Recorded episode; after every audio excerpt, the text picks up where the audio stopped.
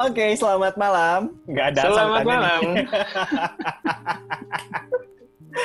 Oke, ketemu lagi sama saya Alwin dan tentunya sahabat sobat karib saya. Ini siapa nih? Saya Teh Maulana. Oke, kembali lagi dalam acara Arisan. Arisan LDR tentunya ya di masa pandemi kayak gini. Arisan LDR. Yap, betul. Tapi ya memang kan kalau arisan LDR tantangannya ya tadi ya kadang sinyal agak-agak putus, saya ngomongnya kapan, Mm-mm. datangnya kapan gitu ya. Ya mungkin tantangan LDR gitu ya. Ada delay-delaynya. Ada delay-delaynya gitu gitu loh. Baiklah. Hari ini kita mau bakal arisan lagi. Bakal arisan apa tuh Kang arisan Kang? Kalau buat teman-teman yang Arisan- belum tahu. Buat yang baru ngedengerin Arisan, ini adalah segmen lain dari Salah Podcast di mana kita akan coba ngasih sudut pandang yang lain dari sebuah permasalahan yang sebenarnya nggak jauh-jauh dari apa yang sering kita alami Sehari-hari kita ya, Kang, keseharian. Iya, betul banget, Alwin. Dan Betul. itu nanti akan dimunculkan dari mangkok ajaib dan di situ nanti kita memilih. Bisa jadi saya milih A, Kang Tegar milih B, atau bisa jadi kita sama-sama milih A atau sama-sama milih B. Ya udah, kalau gitu langsung aja kita cek dulu topik kita malam ini apa. Oke, kita panggil mangkok ajaibnya karena sinilah si mangkok ajaib yang suka mangkok ajaib yang suka iseng ya Kang. Yo, itu siapa? Di Ail. Oke, Ail. Monggo dibuka. Monggo dibuka. Halo Kang Teh, Kang Alwin. Hai. Apa tuh? Udah ketawa duluan, ya? kan udah gak enak. Udah ketawa duluan gak enak nih Kang Teh. Apa ini ya? kayaknya berat banget loh. Waduh. Kayaknya susah banget buat dipilih. Coba, opsinya adalah dibenci orang lain, dibenci orang lain, tapi jadi diri sendiri. Hmm. Atau Versus disukai orang lain, tapi palsu. dibenci sih? sendiri, dibenci orang sih? lain tapi jadi diri sendiri atau disukain orang lain tapi palsu. Silahkan. Aku pilih yang pertama. Tanya kita sama sekarang Kang. Aku juga milih yang pertama. Oke. Iya. Dibenci orang lain tapi jadi diri sendiri. Oke, siapa duluan yang mau kasih eh, reason? Karena aku tadi yang buka Kang Tegar berarti yang ngasih reason. Padahal aku mikir. ya, alasannya sih sederhana gitu. Nah. Kalau misalnya kita cuma people pleasure, kita pasti Ya. akan akan capek sendiri dengan Yes. itu. Dan ya kita juga mesti sadar bahwa kita nggak bisa nyenengin semua orang, coy. Setuju. Ya, Jadi- masalahnya juga kalau mau mau dibenci orang lain, mungkin kayak ini, mau kita nyenengin semua orang juga tetap aja bakal ada orang yang nggak seneng ya Kang ya sebenarnya. Bener, bener, bener. Jadi malah capek dua kali kan kalau misalnya Yes. eh, kita apa jadi jadi diri yang lain, jadi jadi orang lain Orang lain atau apa ya? Ya kita nggak Ya, jadi diri sendiri, ah, hanya pura-pura lah ya. di iya jadinya pura-pura bener bener Win. Tapi yang jadi masalah gini Kang, aku setuju sih sama Kang Tegar karena sepertinya alasan kita juga sama. karena cuman sedikit nambahin gini Kang. Karena aku pikir ketika kita udah pura-pura jadi orang lain, ya katakanlah ya kita nggak jadi diri kita sesuai yang kita inginkan, berharap orang lain itu suka, tetap aja akan ada orang yang nggak suka. Iya iya iya makanya tadi aku bilang capeknya jadi dua kali. Lebih Iya. baik kita jadi diri sendiri terlepas nanti orang lain suka atau enggak. Justru dengan kita jadi diri sendiri, kita kemudian tahu mana sih orang-orang yang sefrekuensi sama kita, Yes. mana sih yang orang yang benar-benar genuine satu value sama kita, dan Iya, mana iya. yang enggak. Nggak mungkin kan Iya. 100% kita dibenci. Tapi justru yang Iya. menguntungkan adalah ketika kita menjadi diri sendiri, kalau buat aku adalah selain kita ada orang yang suka, walaupun ada orang yang benci gitu ya, kita juga setidaknya tidak jadi membenci diri sendiri kan. Karena kita berpura-pura dan membuat diri ini malah jadi capek. Iya, iya. Justru kerumitan itu makin kompleks ketika eh, kita nggak jadi diri sendiri, kita jadi orang lain kan gitu. Dan eh, sebenarnya gini, mungkin eh, ini juga berlaku dalam hal kita dihadapkan sama pilihan-pilihan yang eh, populer atau nggak populer gitu. Ya, ya betul.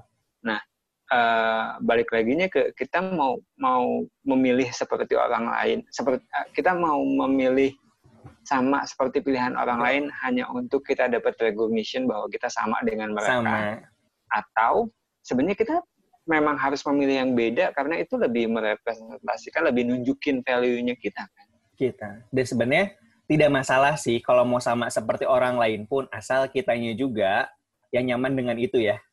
Dan kalau buatku pribadi, jangan sampai justru mengikuti kata orang lain, tapi membuat diri kitanya malah jadi nggak nyaman sama diri sendiri, nggak nyaman sama hidup sendiri, dan pada akhirnya ya mungkin orang-orang itu suka gitu. Tapi ya kalau menurut saya tadi baik lagi ya Kang ya, tetap aja sih mau kita baik ada aja orang yang nggak suka, mau kita jahat juga ada orang yang nggak suka gitu. Bener bener. Jadinya uh, ya semuanya balik lagi ke kita gitu kita uh, kenapa sih ngambil pilihan itu? Tapi kan aku jadi ingat, kadang kan ada juga orang-orang atau manusia-manusia yang kayak tuh susah buat nolak. Nah, dan sampai pada akhirnya kayak tuh harus uh, pleasing people, harus menyenangkan banyak orang, walaupun dianya capek, walaupun itu melelahkan, karena memang nggak bisa nolak gitu lah. Iya, yeah. iya. Yeah. Dan uh, itu sebenarnya balik lagi ke culture ya kalau soal itu gitu mm-hmm. uh, ketidakmampuan kita untuk bilang enggak untuk satu kondisi yang sebenarnya uh, kita enggak enggak fit dengan itu ya ya mungkin ada beberapa aspek yang bisa kita lihat ya kang ya dari bagaimana kita asertif asertif yep. itu kan artinya kita mengemukakan apa yang ada di pikiran kita apa hmm. yang ada di perasaan kita tentunya dengan cara yang baik gitu. Kalau memang nggak setuju, yeah. ya sepertinya memang perlu disampaikan nggak setuju gitu ya. Kalau memang hmm. setuju ya perlu disampaikan setuju. Dan biasanya ya ketika memang ada hal-hal yang katakanlah bertentangan atau argumennya tidak sepadan atau nggak sama, seperti memang cara berpikir asertif ini atau cara bersikap asertif ini perlu dikembangin sih kalau menurut Iya. Yeah. Iya. Kayaknya jarang sekali dipelajari juga mungkin ya, mungkin. Ya, dan uh, gini, aku jadi uh, kepikiran untuk untuk sama un, aku jadi kepikiran buat nanya nih uh, gimana caranya gitu. Hmm, Kalau hmm. misalnya kita tidak terbiasa untuk asertif, gimana caranya biar asertif? Kalau menurutku ya, salah satunya adalah dengan kita uh, ngambil waktu dulu. Mungkin situasi itu uh, kita hadapi, tapi kalau misalnya kita bisa mengendapkan itu dulu, Hmm, hmm. Mungkin respon kita lebih bisa terkontrol. Yes. Maksudnya gini, uh, kalau situasi yang dihadapkan, uh, situasi yang ditawarkan tadi sama Ail kan udah seperti itu ya. Iya. Yeah. Tetapi sebenarnya kita juga bisa aja jadi diri sendiri, tapi kemudian uh, jangan lose win atau win lose, lose. apalagi lose lose gitu. Uh, Nah, kalau aku sendiri kan setuju sih sama Kang Tegar, tapi kalau aku membahasakannya ya, tadi itu kita kayaknya perlu memberi jeda dulu deh. Iya, ya. benar, benar. Biasanya exactly, itu memberi itu jeda maksud. dulu. Uh -uh. Uh, text time yang aku maksud juga, ya, ya udah nggak usah buru-buru ngerespon. Ya. Endapkan dulu. Karena kan boleh jadi ketika kita dihadapkan pada tuntutan-tuntutan atau ekspektasi-ekspektasi sosial, rasanya kita tuh apalagi selama ini terbiasa untuk mengikuti arus dan lain sebagainya kayak tuh ya udahlah aku ikut aja dan lain sebagainya. Tanpa kita mencoba mengidentify dulu mengidentifikasi dulu sebenarnya itu fit nggak sih sama aku? Sebenarnya ini iya, sesuai nggak yeah, sih dengan bener, aku benar. Dan uh, seperti yang tadi Alwin bilang ya jangan sampai karena normalnya seperti itu kemudian uh, ya udah kita ikut majority padahal apa ya sometimes being normal itu ya membosankan gitu.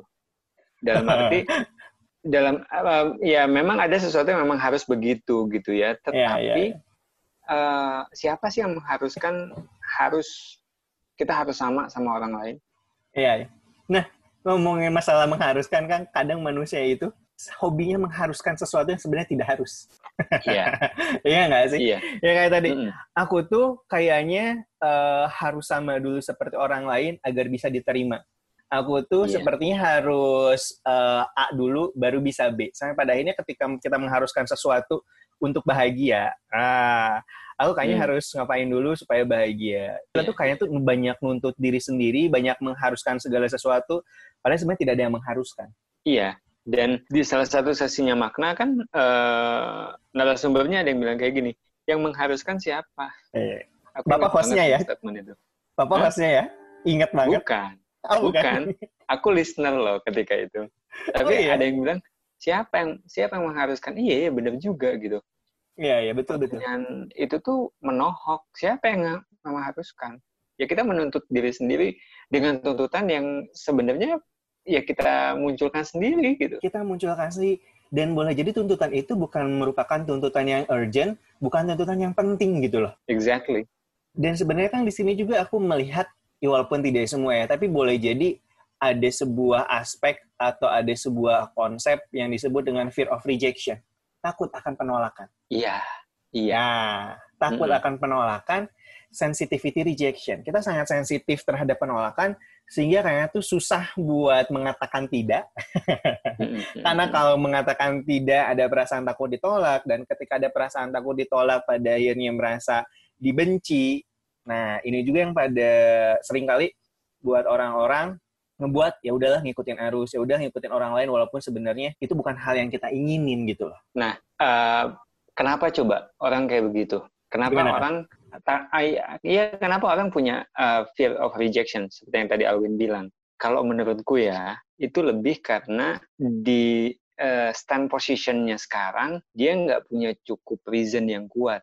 Yes, yes. Jadi dia bisa bisa dengan mudahnya goyah dan dia nggak confident dengan uh, pendiriannya Pilihan dia Ya, dengan pilihan, pilihan hidup dia sendiri gitu. dia. Karena gini, ketika ditanya, lu kenapa kayak gitu? Terus dia kehilangan kata-kata karena dia nggak pernah mengeksplor kenapa ya gue kayak gini. Ya, ya, ya. Jadi mungkin itu sampai ada buku yang keren banget eh, Start with Why Ya, itu itu sampai dua bukunya kan. Iya memang sekuat itu gitu loh faktor eh, alasan ini mendasari sebuah pendirian dan kita nggak terbiasa untuk itu.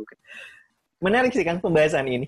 Jadi tadi kita jadi ujung-ujung nyambung ke asertif, jadi ujung-ujung nyambung, Yep. nyambung ke fear of rejection gitu. Dan aku malah jadi kepikiran satu hal lagi, Kang, selain asertif sama fear of Apa itu? rejection. Apa Win? Jangan- Jangan-jangan kita kayaknya perlu deh ngembangin yang namanya self love atau self compassion, cinta sama Iya. diri sendiri. Tadi aku kepikiran itu juga. Ah, karena kalau kita uh, udah sayang sama diri sendiri ya kita nggak eh, gini bukan berarti kita nggak butuh sama uh, apa penerimaan orang lain ya. penerimaan orang lain tetapi kita udah ngerasa cukup gitu loh bahwa Yes. iya gue ngerasa berharga kok jadi Mm-mm. kalaupun gue nggak diterima sama orang lain ya ya udah itu pilihan kalian gitu loh itu sesuatu yang fully ada di bawah kendali eh, orang lain kan gitu loh Yes. tapi soal menjadi diri sendiri itu itu yang ada di kendali kita itu yang bisa kita kendalikan Betul, betul. Dan kalau aku ngelihat polanya gini, Kang. Ketika kita takut akan penolakan dari orang lain, jangan-jangan sebenarnya kita tuh nggak punya tempat pulang. Maksudnya gimana? Maksudnya gini, ketika eh, ditolak sama orang lain, padahal kan kalau kita bisa kembali ke diri kita sendiri sebagai sebuah rumah, yang namanya rumah itu idealnya adalah menerima diri kita apa adanya. Nah, Iya. justru aku bertanya-tanya, ketika aku dito- takut penolakan sama orang lain, jangan-jangan karena aku sendiri nggak punya teman siapa pun di dalam diriku sendiri, which is ya jangan-jangan aku sendiri ditolak sama diriku. Eh, ini eh, nyambungnya ke kita udah nyaman belum sih sama diri kita sendiri hari ini Betul, betul. ya kan? Itu konsep rumah yang mungkin tadi eh, aku tangkap dari statementnya Alwin bahwa Hmm. ketika kita udah nyaman dengan diri sendiri, iya no matter what mereka ngomong apa di luar sana, tetapi eh, kita selalu bawa kenyamanan itu di dalam hati kita karena iya kita selalu berusaha untuk menyamankan diri kita gitu. Betul. Dan aku mikir once ketika kita udah mampu menerima diri kita sendiri ya, kita udah menerima diri kita gitu, kita udah berdamai dengan diri kita sendiri, maka eh, kita pun tidak mencari penerimaan di luar. Tapi kita udah nyaman, udah mendapatkan penerimaan di dalam. Bukan berarti kita berbuat seenaknya berbuat buruk karena udah nggak apa-apa gue ditolak, nggak apa-apa gue dibenci, bukan gitu juga ya. Tapi kita tidak sibuk untuk mencari penerimaan di luar, untuk mencari pengakuan-pengakuan Hmm. di luar. Hmm. Karena pada dasarnya kita udah diakuin dan diterima sama diri kita sendiri dan itu udah fulfill. Iya. Itu udah Iya. penuh gitu loh. Iya, dan eh, gini Win, eh, sudut pandang lainnya adalah bahwa kita harus eh, menjadikan ini bahan untuk introspeksi karena jangan-jangan yang menolak kita itu jauh lebih banyak daripada yang menerima kita. Nah. nah, dalam kondisi ini kita mesti aware, jangan-jangan kita memang uh, secara norma itu udah keluar nih dari pakemnya. Yes. Artinya jangan sampai kebablasan bahwa uh, kita sadar kita belum melakukan uh, yang terbaik, tetapi hmm. kita udah selalu mengklaim bahwa kita lah yang terbaik dibandingin sama orang-orang. Ya kita juga memang harus hati-hati dengan itu sih ya. Iya betul betul. Dan justru kalau aku melihatnya gini Kang, uh, kan pernah ada tuh sesi podcast Kang Tegar sama Icem tentang dicintai dan mencintai. Uh, sepertinya kalau aku kembali sedikit membahas kajian waktu itu Kang, gitu. Kan kita tuh bisa memberikan cinta kepada orang lain ketika kita sendiri udah fulfill penuh dicintai gitu kan sehingga yang yang terjadi sama diri kita adalah kita memberikan juga kenyamanan dan e, rasa cinta itu buat orang lain sehingga yeah. kalau buatku ketika kita justru banyak yang tidak nyaman sama diri kita, kata-katanya bukan bukan benci ya, banyak yang nggak nyaman sama diri kita dan kita dapat banyak informasi-informasi seperti itu, justru jadi pertanyaan kalau buatku gitu, apakah benar kita udah nyaman sama diri sendiri ketika kita membuat tidak orang lain tidak nyaman gitu? Yes, benar. Karena indikatornya ketika kita udah nyaman sama diri sendiri, uh, sepertinya akan lebih banyak kita tuh memberikan kenyamanan juga buat orang lain, bukan ketidaknyamanan. Iya, benar, benar, benar. Nah, uh, ini jadi bisa jadi dibulak balik ya. Uh, yeah, yeah. Jangan gini, kita bisa menjadikan uh, interaksi kita di lingkungan itu menjadi sebuah indikator soal uh, kita sebenarnya udah oke okay apa belum sih, kita udah, udah fit belum sih sama lingkungan kita dari hmm. feedback yang kita bisa dapetin dari lingkungan soal ketika kita ada di lingkungan itu orang lain yeah. nyaman nggak ya sama kita dan yeah. ketika kita di lingkungan itu kita nyaman nggak ya sama uh, lingkungan sekitar kita. Ya kita mesti fair sih dan uh, di situ kita dituntut untuk objektif gitu. Ketika orang lain uh, nggak uh, nyaman dengan kehadiran kita it means there's something wrong dan kita harus uh, doing something kan. Dan sebenarnya kalau jadi ngomongin nyaman tidak nyaman ya. Iya. Iya. Tapi nggak apa-apa sih. Kalau aku ngelihatnya gini kan gitu loh setuju sama Kang Tegar. Dan bisa jadi kan ketidaknyamanan orang lain terhadap kita itu pun bukan selalu dan bukan berarti kita tidak nyaman sama diri sendiri ya. Tapi boleh jadi kan dalam interaksi itu ada ketidaksengajaan, ketidaksengajaan ya. Yeah. Kalau Kang Tegar waktu itu sempat ngisi di Powo itu bisa jadi ada sudut pandang berbeda. Yes.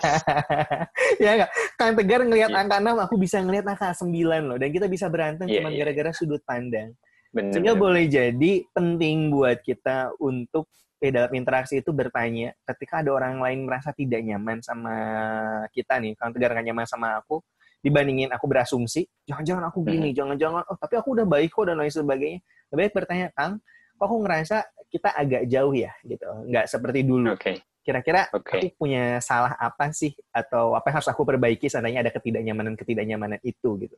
Bener-bener, dan uh, ini butuh kecerdasan, Win. Yes. Kecerdasan uh, interpersonal yang kita kembangkan itu juga di dalamnya ada skill untuk berkomunikasi sama orang. Ketika yeah. kita ngerasa um, ada gejala-gejala yang enggak yang yang nggak enak nih gitu ya kita mesti pintar-pintar memainkan komunikasi yang bagus gitu karena dengan komunikasi ini semuanya menjadi lebih jelas bukan hmm. mengembangkan prasangka tetapi ya betul, udah betul. kita explore apa sih yang bikin kita nggak nyaman dan kita juga explore apa sih yang bikin orang lain nggak nyaman dari kehadiran kita Hmm. Gitu. Kalau dalam konsep self compassion, kita sendiri kan perlu membedakannya kan ya, mana self evaluation, mana self criticism. Gimana yeah. kita mengkritik secara dekonstruktif atau mengkritiknya merusak diri, sama mengevaluasi hmm. diri. Kalaupun yeah. aku pikir ada orang lain yang menolak diri kita atau ada orang lain yang katakanlah bertindak tidak nyaman terhadap diri kita, maka kan pilihannya adalah kalau menurutku ya, sebenarnya kita penting juga untuk mengevaluasi diri apakah memang kitanya yang melakukan tindakan-tindakan membuat orang lain gak nyaman, atau justru kitanya udah oke okay nih, kitanya udah baik yeah. nih, tapi ya mungkin orangnya aja merespon seperti itu. Karena kan kita nggak bisa yeah. ngontrol respon orang ya Kang ya. Kita mau berbuat baik kayak gimana, ada aja mungkin orang yang nggak suka. Bener, makanya uh, satu langkah yang menurutku paling pas yang tadi kita discuss gitu loh bahwa kita mesti jeda dulu nih, kita endapkan yes. dulu nih jangan kemudian kita buru-buru merespon dari misalnya uh, rejectionnya orang lain atau kritikan dari orang lain. Udah terima dulu aja. endapkan dulu, kemudian kita pikirin benar atau keliru ya. Ya. Baru kemudian kita ambil tindakan. Kalau memang itu keliru, ya kita jelasin. Tapi kalau kita benar ya berarti kita harus koreksi kan. Betul betul. Dan sepertinya second opinion juga penting nggak sih kan? Yes, benar. Ya, second opinion juga penting, penting. banget. Mm-mm, iya, karena gini, itu kan kalau misalnya kita di uh, dibenci sama orang lain gitu ya, anggaplah itu sebagai spion gitu loh. Tapi kan mau pakai motor, mau pakai mobil, spion kita tuh nggak pernah satu. Kecuali yeah. ya modifikasi ya. Tapi kan itu akan kena tilang pasti kan. Ini analogi yang bagus sih kalau menurutku. Uh, spion kiri, spion kanan tuh selalu kan kita cek gitu loh. Yeah, yeah. mungkin kita cuma ngecek satu spion aja. Iya, iya betul betul. Apalagi Sehingga, mobil, kayaknya... ada spion tengah, ada spion iya, belakang betul. kan? Spion, spion nah, belakang. Jadi cross check itu ya memang penting gitu. Iya. Dan sepertinya kita iya. juga perlu memperluas sudut pandang sudut pandang yang ada. Tapi kalau menurutku sih ada satu hal juga yang perlu hati-hati ketika kita mencoba merefleksi, mengevaluasi dan mengidentifikasi adalah jangan sampai jadi overthinking juga. Iya, iya, benar. Dan uh, kita juga harus uh, pintar-pintar memilih dari siapa kita uh, minta second opinion tadi. Second opinion tersebut gitu. Mm -hmm. Sepertinya orang yang memang objektif juga ya Kang ya. Iya. Yep. Oke. Oke. Eh, sebelum lebih lebar lagi obrolan ini, kayaknya uh, udah bisa kita simpulin sih bahwa sebetulnya udah sih. kalau kita uh, mau jadi diri sendiri, uh, kita lebih bisa mengendalikan kenyamanan kita dan masalah orang lain reaksinya seperti apa itu sesuatu yang sama sekali nggak di bawah kendali kita. Jadi ya udah, yang terpenting adalah uh, kita conscious, kita sadar dengan apa yes. yang choice-nya kita dan kita sadar bahwa kita menjadi diri sendiri. Plus kita sadar juga bahwa kita lagi dalam sebuah perjalanan menuju yeah. uh, kita yang menjadi lebih baik setiap hari dan tentunya penting banget buat kita ya Kang ya dalam segala pilihan atau dalam segala posisi penting untuk menyadari apa sih sebenarnya alasan kita memilih hal tersebut karena itulah yang ya. membuat diri kita bisa teguh bisa kokoh tapi tetap belajar untuk empati belajar untuk open minded gitu ya Kang ya karena memang bisa jadi ya oke okay, aku punya alasan dan lain sebagainya bukan berarti menghakimi orang lain bukan berarti judgmental sama orang lain setiap diri kita punya posisi atau berhak menentukan pilihannya gitu. Tapi yang jelas ya jadi diri sendiri itu juga penting ya, terutama mungkin jadi versi terbaik dari diri sendiri gitu. Betul, Dan itu memang betul, butuh berproses sih. Betul. Ya, itu butuh yeah. berproses, butuh mengidentifikasi, butuh berkontemplasi, tapi ya mari berproses aja gitu kan ya. Iya, benar banget. Bener banget. Oke, kayaknya udah bisa kita akhiri. Eh, udah bisa kita akhiri ini dengan statement penutup tadi dan Alwin mungkin ada yang mau ditambah lagi? Udah sih cukup dari aku kan. Oke, okay, dari aku juga cukup. Sekali lagi ini cuma ngasih sudut pandang uh, dari sisi kami, tapi tetap sih uh, sudut pandang Anda ya Anda sendiri yang menentukan, ya nggak, Win? Betul, teman-teman boleh setuju, boleh tidak setuju, karena setiap kita selalu punya alasan, selalu punya pemikiran, dan selalu punya pengalaman yang pada akhirnya membuat kita memilih sesuatu hal, ya. Iya. Ya, Benar tapi buka perbedaannya bukan membuat kita untuk berantem ya Kang ya, tapi untuk berbagi sudut pandang. Yes, betul. Betul, dan mudah-mudahan sudut pandang ini memperkaya uh, pilihan-pilihan uh, yang kita bikin dalam keseharian kita. Oke, gitu dari kami. Saya Alwin dan teman saya. Dan saya Maulana. Thank you banget udah menyimak episode Arisan hari ini. ini. Semoga bermanfaat. Sampai ketemu lagi. Dadah. Bye -bye. Assalamualaikum.